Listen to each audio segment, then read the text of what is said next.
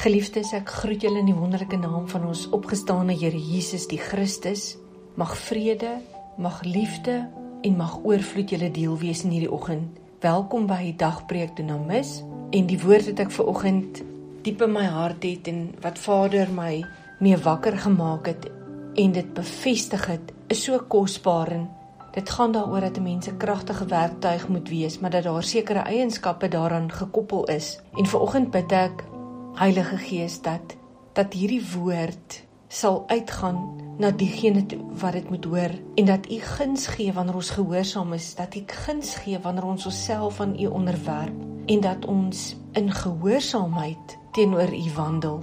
Geliefdes ek wil so 'n bietjie 'n gedeelte aanraak oor Ester 'n hele paar jaar terug het Vader hierdie woord in my hart bevestig en vir my hierdie boek van Ester oopgebreek en, en ek wil dit graag vandag met julle deel. En ek wil ook hê julle moet bedag wees daarop hoe Vader God ons as 'n kragtige werktuig kan gebruik dat hy ons voorberei sodat ons op die regte tyd op die regte plek kan wees. En hoe kosbaar dit dan is dat ons dan daar is vir iemand se redding. Weet baie keer val dinge in plek vir ons in ons land iewerster waar ons nie gedink het ons gaan wees nie en dan gebeur dit baie keer dat ons daar is vir 'n doel. 'n Vader vat ons na 'n werksplek toe of Ons kom eers by 'n byeenkoms of ons skakel in by 'n gemeente en dan gebruik Vader ons as hierdie kragtige werktuig om dalk iemand anders te help om tot redding te kom of om iemand te help in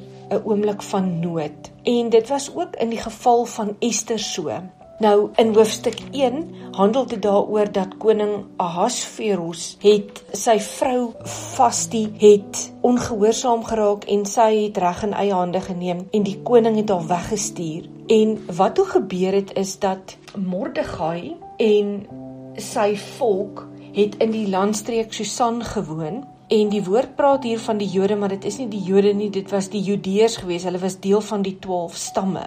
En ek wil so flissies lees hoe die koning dan gesoek het vir 'n nuwe koningin. En hoe daar dan opdrag gegee is dat die jong meisies versamel moet word en voorberei moet word om die koning dan te ontmoet. Nou kyk baie mooi Ester kom uit die stam van Juda uit.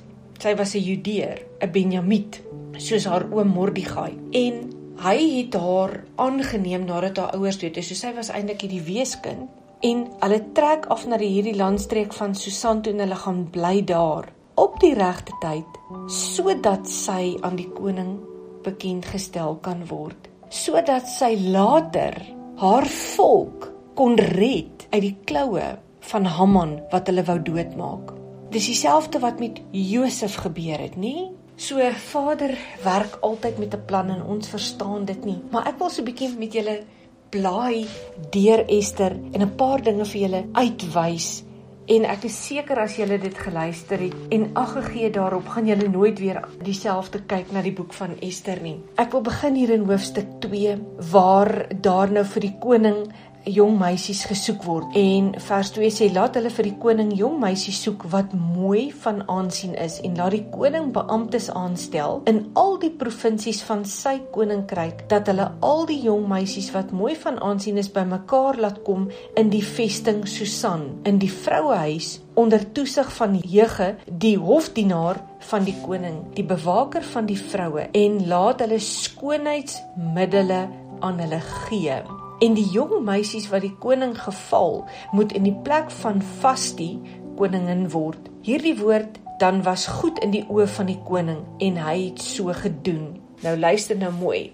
Daar was 'n Judeese man in die vesting Susan met die naam van Mordegai, die seun van Jair, die seun van Simei, die seun van Kis, 'n Benjamiet wat uit Jerusalem weggevoer was onder die ballinge wat in ballingskap moes gaan saam met Jegonja, die koning van Juda wat Nebukadneser, die koning van Babel weggevoer het. En hy was die opvoeder van Hadassa.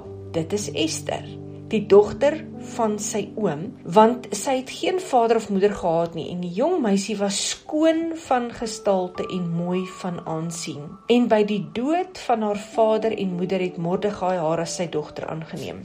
Kom ons gaan nou terug. Hulle kom uit ballingskap uit. Hulle vestig in die landstreek van Susan.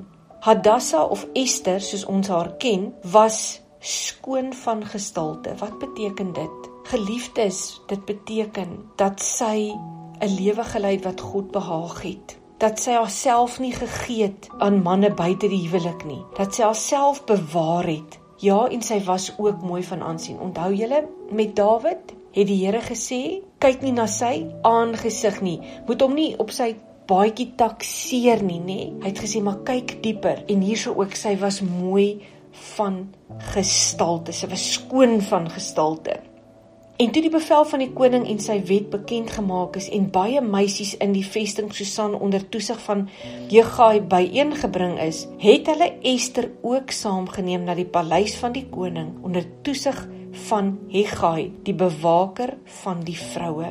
En die meisie het hom geval en guns by hom gevind. Daarom het hy gou gemaak om haar die nodige skoonheidsmiddels en die regte ete te gee en haar die sewe uitgesoekte meisies uit die paleis van die koning te verskaf. En hy het haar met haar meisies verplaas na die beste gedeelte van die vrouehuis. Esther het haar volk en haar afkoms nie te kenne gegee nie, omdat Mordegai haar beveel het om dit nie te vertel nie. So Esther kry aansien. Sy word voorberei, fisies voorberei. Sy moet die regte kosse eet sodat sy gereed kan wees sou die koning haar kies. Maar Mordegai sê vir hom moenie vir hulle sê wie jy is nie, dat jy uit die stam van Juda uitkom nie, dat jy eintlik 'n Judeer is nie, 'n Benjamiet is nie, nê? En Mordegai het dag vir dag voor die voorhof van die vrouehuis gewandel om te verneem na die welstand van Esther en wat met haar sou gebeur. En as die beurt van elke meisie aankom om na koning Ahasveros in te gaan, nadat 12 maande lank met haar volgens die wet vir die vroue gehandel is, want solank het die dae van hulle voorbereiding geduur 12 maande 6 maande lank met mirreolie en 6 maande met balsam en ander skoonheidsmiddels van die vroue En as die meisie dan so na die koning ingaan, word alles wat sy sê aan haar gegee dat dit saam met haar uit die vrouehuis na die koninklike paleis kan gaan. Nou geliefdes, hierdie vroue het na die koning se huis toe gegaan en dan sê hulle in vers 14 wanneer haar naam dan geroep is, dan sê dit dan mag sy nie weer by die koning ingaan nie behalwe as die koning beha in haar vind en sy by die naam genoem word. Toe dit die beurt van Ester kom, die dogter van Abigail, die oom van Mordegai wat haar as sy dogter aangeneem het, kom om in te gaan na die koning, het sy niks verlang nie behalwe wat Hegai, die hofdienaar van die koning wat die vroue bewaak het gesê het en Ester het guns in die oë van almal wat haar gesien het gevind, nê? So kyk mooi. Sy kom saam met haar oom Mordegai. Sy was skoon van gestalte. Sy was mooi van aansien. Sy was gehoorsaam geweest. Een van haar ander eienskappe, sy het haar altyd bewaar. Ek glo sy het Vader God gedien met alles wat in haar is en dit gaan net nou bevestig word en sy luister wat haar oom sê. Moenie bekend maak van watter volk jy is nie, waar jy van afkom nie. En hier kry Ester guns. Het Vader God dit so bewerk? Verseker, want Vader God het geweet dat hierdie Benjamiete, hierdie Judeërs se lewe in gevaar is en hy kon Ester gebruik het hierdie kragtige werktuig omdat hy geweet het haar lewe spreek daarvan dat sy guns sal kry. En dan gaan dit nou aan Esther is toe by koning Ahasveros in sy koninklike paleis opgeneem in die 10de maand. Dit is die maand Tebet in die 7de jaar van sy regering. En die koning het Esther lief gekry meer as al die vroue en sy het guns en welwillendheid voor hom gevind meer as al die jong meisies en hy het die koninklike kroon op haar hoof gesit en haar koningin gemaak in die plek van Vasti. En die koning het 'n groot maaltyd gehou en hy het hierdie fees gevier want hy het nou 'n koningin gekry. En dan sê vers 20: Ester het haar afkoms en haar volk nie te kenne gegee nie soos Mordegai haar beveel het nie. Weer word dit gesê en Ester het die bevel van Mordegai opgevolg soos toe sy by hom opgevoed is. Met ander woorde, toe sy onder sy gesag was, Mordegai se gesag was, was sy aan hom onderdanig en was sy gehoorsaam. So sy het dit reeds geleer in haar opvoeding en sy was Vader God ook gehoorsaam en onderdanig, nê? En kyk dan mooi, sy het nie 'n probleem om die koning onderdanig te wees en aan hom gehoorsaam te wees nie. Die feit dat hy haar liefgekry het, dat die koning haar liefgekry het. Geliefdes, kyk mooi. Daar was 'n koneksie. Soul cry out to soul. Met ander woorde, die koning het nie net 'n koneksie met haar siel gehad nie, maar hy het ook die koneksie gevoel met Vader God wat in haar was en dit het gemaak dat hy haar lief gekry het. Sy het 'n ander gees in haar gehad, 'n gees van gehoorsaamheid, 'n gees van onderdanigheid, haar wysheid, dit wat sy uitgestraal het, nê? Nie net van die kos wat hulle vir haar gegee het nie, wat sy geestelik uitgestraal het want sy was skoon van gestalte. Goed, kom ons gaan aan. In die dae dan terwyl Mordegai in die poort van die koning sit, het Bigtan en Teres, twee hofdienaars van die koning, drempelwagters, kwaad geword en getrag om die hand aan koning Ahasveros te slaan. En geliefdes Mordegai het gehoor en hy het vir Ester laat weet en Ester het die koning toegelig en toe is daar ontslaag geraak van hierdie twee hofdienaars wat die koning se lewe wou neem. Nou kyk nou mooi. En nou kom die eintlike ding van Haman wat ook in die koning se huis was, wat werklik sy bose planne by die koning verskuil het omdat hy van Mordegai en van die Judeërs ontslaa dan wou raak. En na hierdie dinge het koning Ahasveros Haman, die seun van Hammedatha, die Agagiet groot gemaak en hom verhoog en sy setel hoër gestel as die van al die vorste wat by hom was. En al die dienaars van die koning wat in die poort van die koning was het gebuig en voor Haman neergeval. Want so het die koning aangaande hom bevel gegee maar Mordegai het nie gebuig of neergeval nie Hoekom? Hoekom het Mordegai nie gebuig en neergeval nie? Geliefdes, omdat hy geweet het hy mag geen ander gode dien buiten Vader God nie, want hy het die wet van Vader God in sy hart gehaat, nê? En hy was uit die 12 stamme en daarom het hy die God van Abraham, Isak en Jakob geken, die God van Israel. En die dienaars van die koning in die poort van die koning het aan Mordegai gesê: "Waarom oortree jy die gebod van die koning?" En toe hulle hom dit elke dag sê en hy nie na hulle luister nie, het hulle dit aan Haman meegedeel. En hier begin die ding, want hy het hulle te kenne gegee dat hy 'n Judeer was. Toe Haman sien dat Mordegai nie buig en voor hom nie neerval nie, was Haman met woede vervul. Kan jy sien die arrogansie van Haman? Hy wou op 'n stadium sommer vir die koning voorskryf en jy gaan sien hoe Vader God vir Ester gebruik. Hy het in woede geval want hy wil mos nou hier mense moet hom eer en hom aanbid want hy dan nou guns by die koning, nê? Maar hy het dit vir hom te gering geag om die hand aan Mordegai alleen te slaan, want hulle het hom die volk van Mordegai te kenne gegee. So, onthou nou, Mordegai sê vir Ester, moenie jou volk en jou afkoms bekend maak nie. Twee keer. Daarom het Haman daarna gesoek om al die Judeërs wat in die hele koninkryk van Ahasveros was, die volk van Mordegai te verdelg. Sou Vader God dit toelaat? Nee. Hoekom? Want kyk wat het gebeur. Hy het gesorg dat Ester al was sy 'n weeskind onder die gesag van Mordegai kom. Wat haar geleer en gelei het in waarheid glo ek verseker, want dit is hoekom sy Vader God ook kon gehoorsaam wees. En dit is hoekom Vader haar kon gebruik het om dan vir sy volk te gaan intree. In die eerste maand, dit is die maand Nisan, in die 12de jaar van koning Ahasveros, het hulle die per, dit is die lot voor Haman gewerp vir elke dag en vir elke maand 12 in getal. Dit is die maand Adar. Toe sê Haman aan koning Ahasveros: "Daar is een volk wat verstrooid en afgesonder is tussen die volke. Afgesonder, wat beteken daai afgesonder? Hulle het hulle heilig gehou, hulle het nie ander agter ander gode aangegaan nie. Hulle het nie hulle knie voor mense gebuig nie, maar voor Vader God. Hulle was afgesonder, nê? 1 Petrus sê vir ons duidelik, ons is 'n heilige afgesonderde volk. Ek wil net gou dit vir julle gee. 1 Petrus 2, maar julle is 'n uitverkore geslag, 'n koninklike priesterdom, 'n heilige volk, 'n volk as eiendom verkry om te verkondig die deugde van hom. Met ander woorde afgesonder, heilig, afgesonder.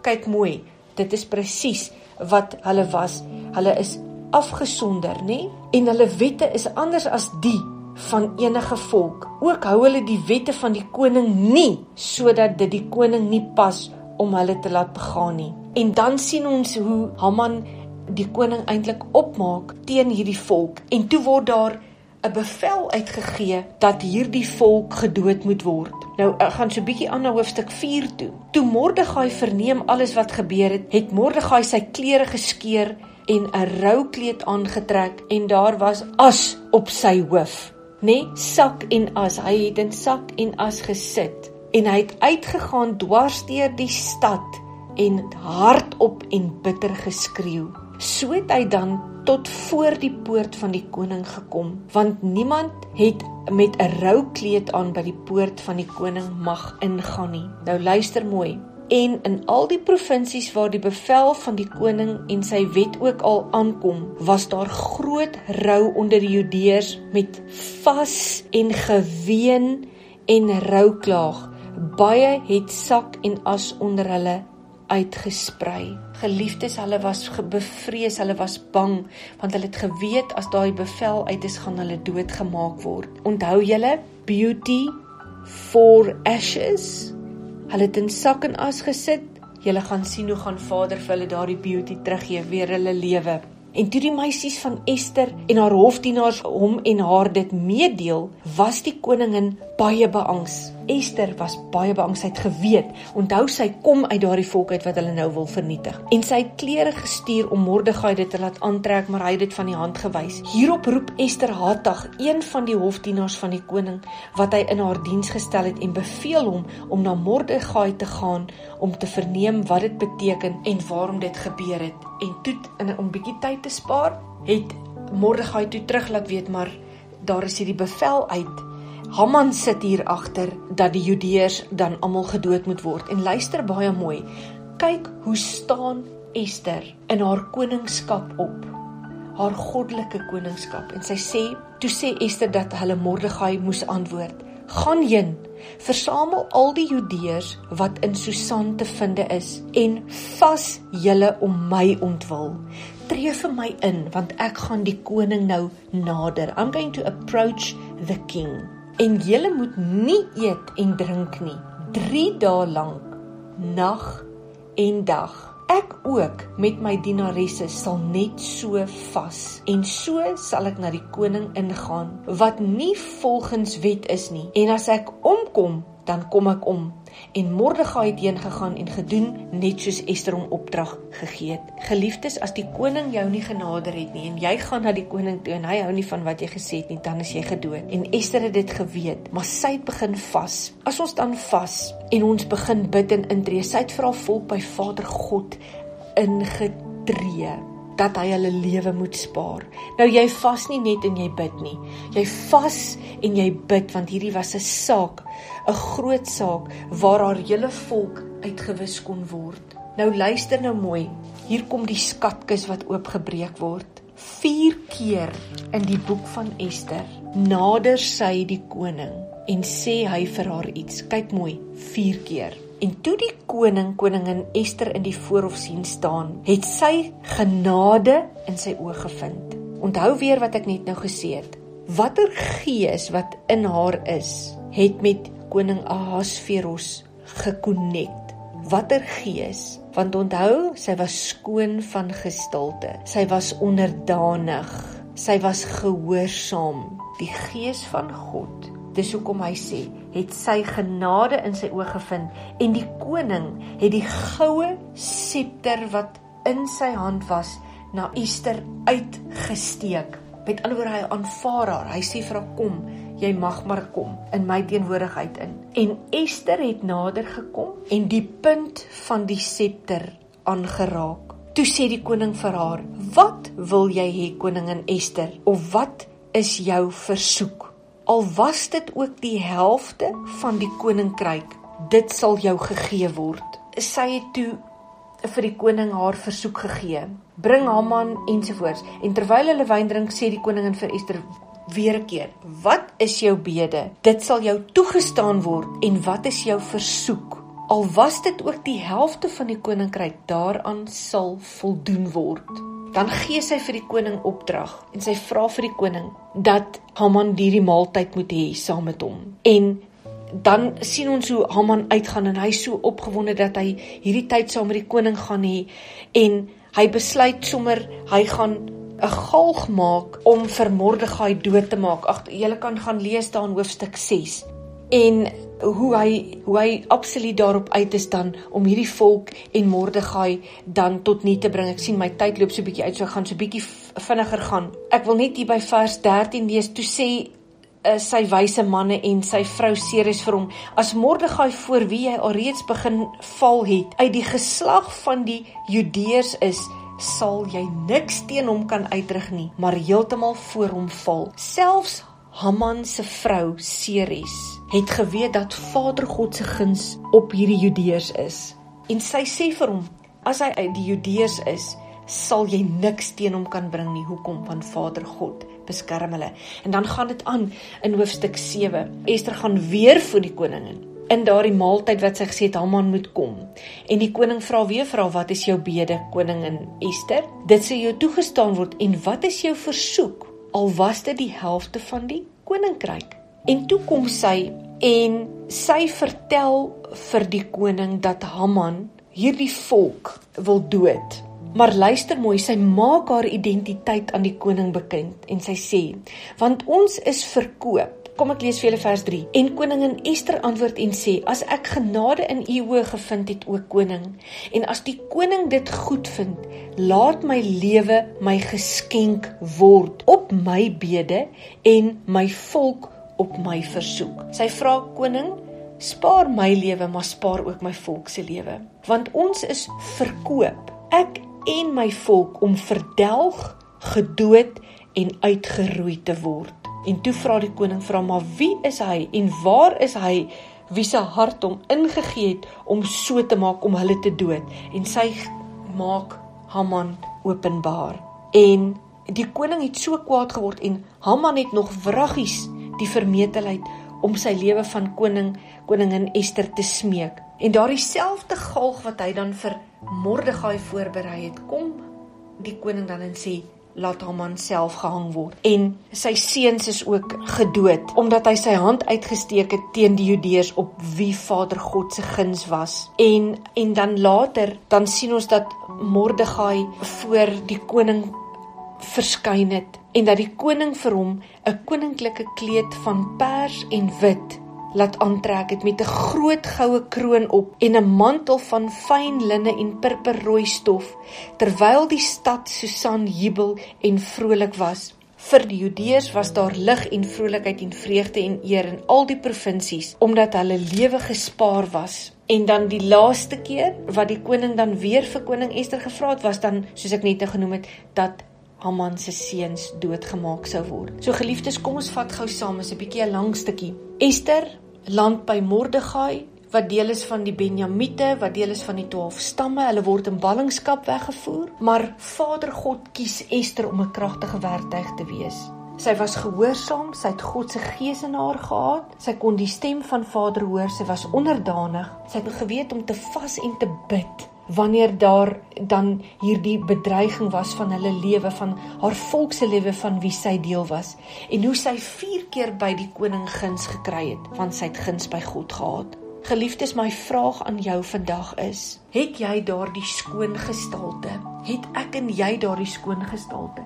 Het ons daardie gehoorsaamheid en onderdanigheid om na Vader God toe te gaan? Te sê Vader, gebruik my soos 'n werktuig in U hand. Stuur my soos U wil, hoe U wil, na wie toe U wil, want ek is dalk net die werktuig wat U gebruik vir die redding van iemand anderster.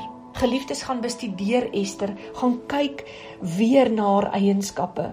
Gaan kyk hoe sy en haar oom Mordegai onder wie sy hand sy groot geword het. Vader God absoluut moes vertrou in gehoorsaamheid. En hoe Mordegai geweet het maar hierdie is die pad wat Ester sal gaan want sy sal daardie guns kry sodat hulle gered kan word. Ag geliefdes, ek ek pleit by Vader vandag dat Heilige Gees vir julle daardie gehoorsaamheid sal gee vir elkeen van ons. En mag ons eendag voor Vader staan en sê dankie my Abba dat ek 'n werktuig kon gewees het om u volk in te bring. Vader om daar te wees, al is dit by jou werksplek, al is dit by jou bure, al is dit in 'n stad of in 'n ander stad, al is dit in jou gemeente waar jy is, waar ook al, geliefdes moenie onderskat dat 'n ou klein woordjie 'n groot verskil in iemand se lewe kan maak nie. Waar jy net daai geleentheid kry om Jesus te kan bely. Ek bid vir môre die seën van Vader op elkeen van julle af. Wees geseënd. Geniet die reën daar buite. Mag Vader sy sy reën oor julle uitgiet. Sy gees in Jesus naam. Amen en amen. Vir diegene wat gewonder het wie hierdie boodskap vanoggend gebring het, ek is Dr. Annelies Du Plessis de Beer. Ek werk onder Olive Joy Healing Ministry Ons is 'n interkerklike en nuwensgewende organisasie. Ek help graag met individuele berading en huweliksberading. Ek help skooliere, studente en jong werkendes om hulle Godgegewe doel in die lewe te vind deur middel van 'n vak- en beroepskeuse evaluasie-instrument wat gefondeer is op Bybelse beginsels. Ek tree op as motiveringsspreker by veral skole, kerke en vroueoggende. Julle is welkom om my Facebook bladsy te gaan besoek by Olive Joy Healing Ministry. Julle sal ons ook vind by olivejoyhealingministry.co.za. Dit is ons webwerf. Julle kan my gerus kontak by 082 828 0919. Julle is ook welkom om vir ons 'n boodskap te stuur en dan kan ons julle plaas op ons WhatsApp groepie waar die boodskap wat julle vanoggend gehoor het geplaas word van Maandag tot Vrydag. Ons stuur vir julle 'n skakel en julle kan julleself op die WhatsApp groepie sit en julle is ook welkom om ander te nooi sodat hulle die boodskap kan ontvang en daarna kan luister. Geseënde dag vir elkeen.